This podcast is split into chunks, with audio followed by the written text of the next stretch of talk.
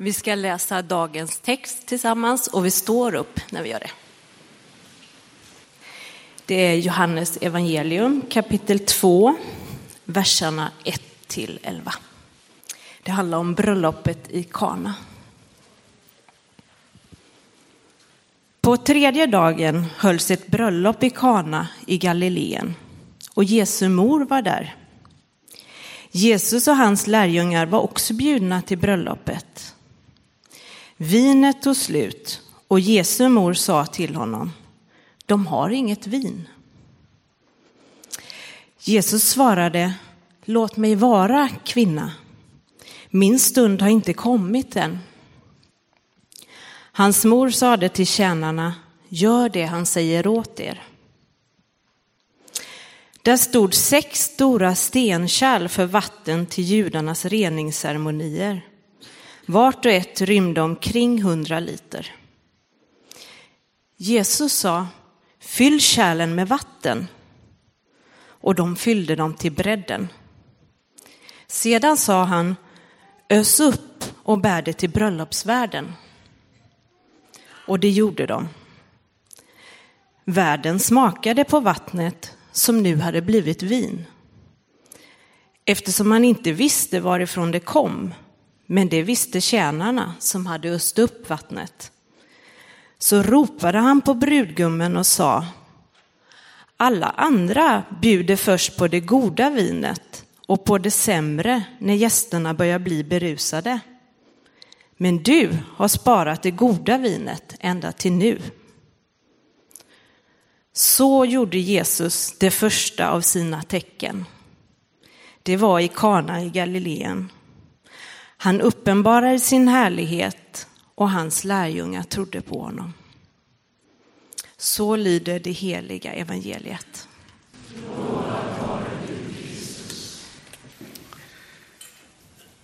Han skulle bara gå en två timmars promenad hem från en fiskesjö utanför Åre. Så blev det nu inte. För han överraskades nämligen av ett åskoväder som fick honom att gå en annan väg hem. Och när han gjorde det så gick han vilse. Jens Langneholm var vilse på fjället ganska länge. Han levde på granskott, han drack fjällvatten. Han hittade, som han själv säger, inga fasta hållpunkter. Trots att det här var hans, hans terräng som han kände så väl. Efter tolv dagar, det är en ganska lång tid, så blev han hittad. Och frun tror att han är död och när han ringer från sjukhuset så tror hon inte att det är han som ringer. Han blev lite besviken på det, säger han till en reporter. Allt detta hände trots att han var van vid terrängen. Han kände den som sin egen ficka. Den här berättelsen är också en berättelse om själva livet. Över våra svårigheter att många gånger navigera rätt, att orientera oss. Hur ofta tappar vi inte våra bekanta hållpunkter? Det som gör att vi känner igen oss och hittar rätt. Så trots att Jens Langneholm var van vid terrängen så var det alltså möjligt att gå bort sig. Ibland gör vi så att vi går en annan väg än den vi först tänkt. Och så hittar vi inte längre hem. En av de viktigaste förmågorna i den mänskliga konstitutionen det är att kunna söka Alltså vår förmåga att söka och orientera oss. Att orientera sig mot det väsentliga Sökande handlar om viljan och ansträngningen att hitta rätt. Mitt i en värld som ibland kan kännas som en ogästvänlig och stormig fjällvärld med få bekanta hållpunkter. Mitt i ett liv där man önskar att det skulle finnas mera svar och färre lösa trådar. Men låt mig ställa en fråga idag. Är du en människa som skulle säga att du är en aktiv sökare? Eller har du slagit dig till ro och liksom slagit av den där sökarsändaren? Det finns en utbredd missuppfattning bland många kristna, kristna att när man kommer till tro så slutar man vara sökare.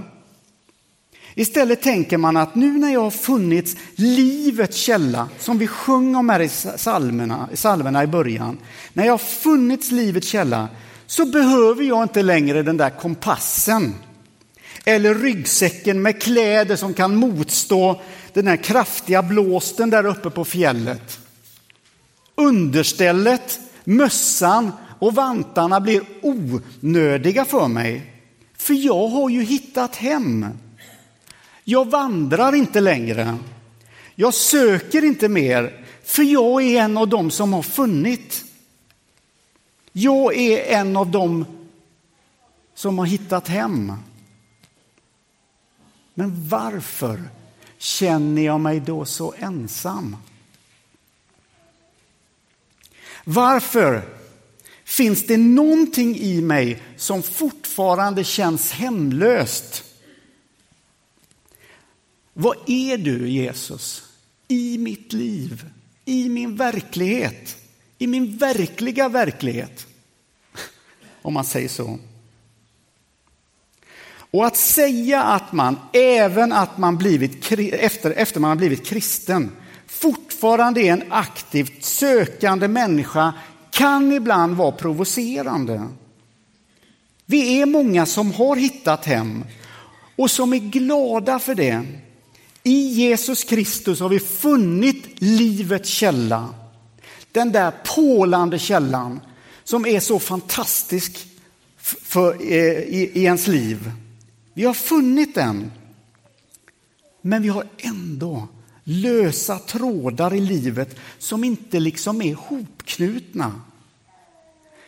Jag menar att detta behöver också sägas.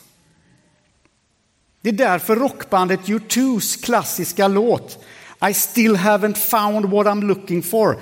Det blir en textrad som inte känns riktigt överlåten så att säga. De är nog lite halverst som man säger i Västerbotten. De verkar ju fortfarande söka efter någonting fast de har kommit till tro. Men jag vill säga det här idag. Att söka och att ha funnit behöver inte nödvändigtvis vara en motsättning för dig som jobbar med den här frågan. Det går att i sig själv härbärgera både en sökaridentitet och en finnaridentitet. Minns du att vi nyss stod upp för att höra dagens text läsas om när Jesus inbjuds till det här bröllopet i Kana? Vad är det för märkvärdigt att få en inbjudan till ett bröllop kan man ju tänka. Är det en text som är värd att ställa sig upp för? Vad är det som är så storslaget med det? Jo, det är bara den lilla detaljen att det är Gud själv inkarnerad som människa med kött och blod och med förnuft och känslor som svarar ja på den här frågan att komma på det här bröllopet. Det är alltså Gud själv som kommer. Den högste Den helige, den allsmäktige, härskarornas Gud, den ständigt, lyssna, den ständigt barmhärtige. Inte barmhärtig på onsdagar mellan 16 och 18. Jämna veckor. Ständigt barmhärtig. Han har gjort sig sökbar i livets alla skiftande situationer. Allt från när våra liv är inställda på ren överlevnad, för det vet ju vi i oss själva hur det är. När vi är inställda på ren överlevnad i en otillgänglig terräng. Men också när vi lever de vanliga liven där vi behöver hjälp, där vi behöver, vi behöver stöd, vi behöver riktning. Där är han också. Så det är värt att stå upp för en sån här text. Jesus är livets källa. Och det som kommer ur den källan är tillgängligt för den som har slagit på sin sökarutrustning och som aktivt förflyttar sig dit, närmare den här källan. Som söker den här källan.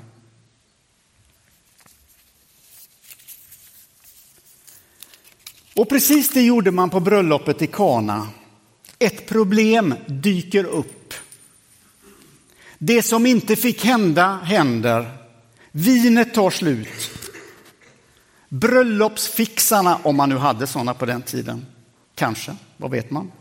Bröllopsfixarnas puls slår i taket. Vad skulle man ta sig till? Och vi kan ju känna den här pinsamheten när man inser att någonting inte räcker. Speciellt när det är en sån här viktig dag som det här var för de här människorna.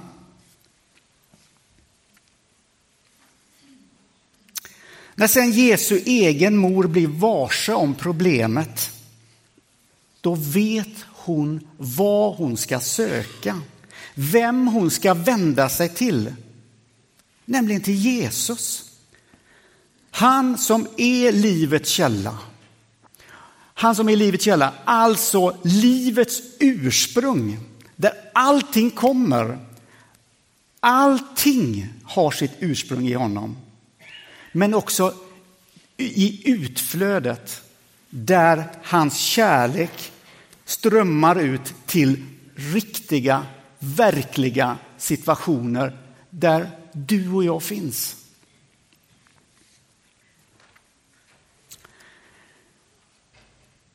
Och när man tänker på det så är det häpnadsväckande att Jesus skulle bry sig om hur det praktiskt funkar på ett bröllop. Ett litet bröllop. Men sån är han Jesus. Inget är för stort eller för litet för honom. Han kommer dit, gör det han, det han vill. Han hade sagt att ja, min tid är inte kommen eller min stund är inte kommen. Alltså att vad han säger till Maria det är ju att det är inte, tajmingen är inte riktigt rätt där. Men han kan ändå inte låta bli att kliva in och göra eh, skillnad på det här bröllopet. Han gör vatten till vin. Han räddar festen. En festräddare. Jag tycker det är fantastiskt. Så ur livets källa kommer hjälpen. Även om det enligt Jesus flödar lite för tidigt, som han säger. Hans stund var ju ännu inte kommen. Så gör han det. Att det blev så här bra just i den här situationen berodde på två enkla saker som jag tycker att vi skulle kunna ta med oss hem från gudstjänsten idag. Ett, att det hände någonting byggde på att Jesus var inbjuden.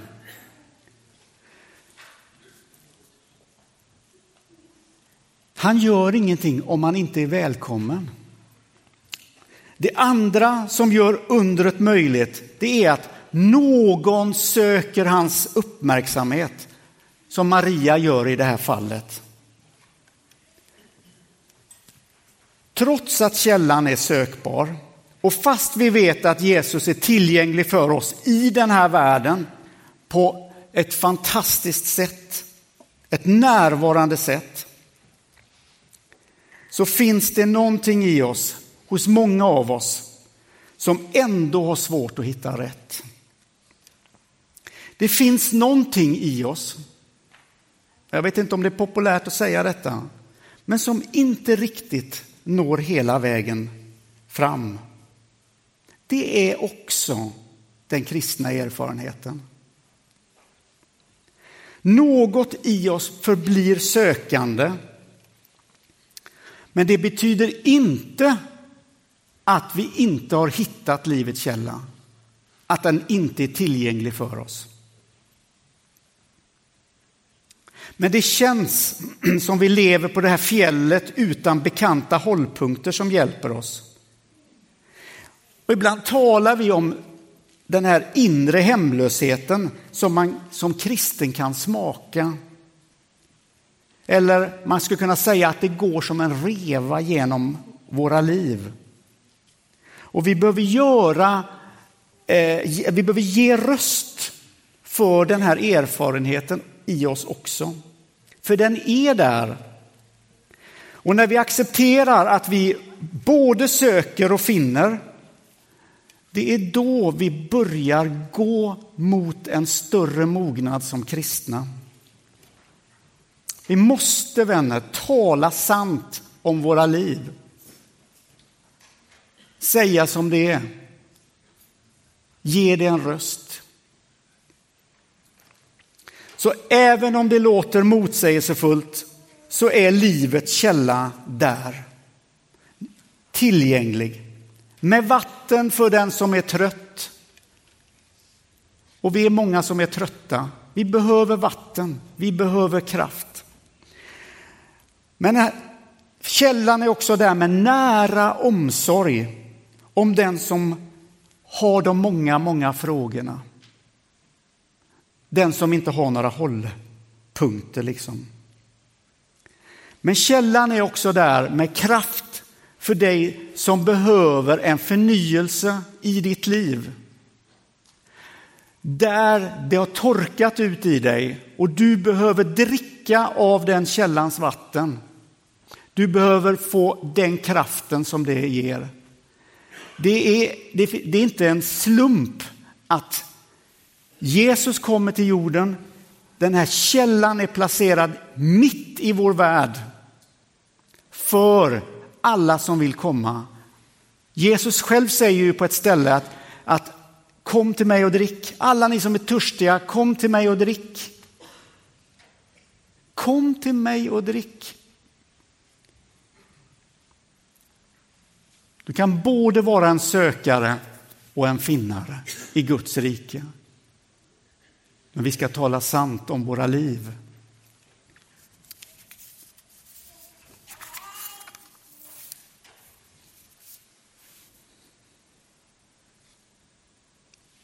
Så Gud bjuder dig till den här källan den här söndagen. Han bjuder dig att dricka. Han bjuder dig att komma närmare honom. Med den personlighet du är, med de erfarenheterna du har och med de bromsande frågor som du bär, så utmanar han dig att ta ett steg att liksom hörsamma hans kallelse till dig. Att han säger kom till mig. Jag vill bli din Herre. Jag vill bli din vägledare. Kanske har du suttit för länge still. Du har knäppt av din sökarutrustning. Tänk om det är här i dagen som, där du ska slå på den igen. Att söka dig till förbönen idag. Att börja på nytt.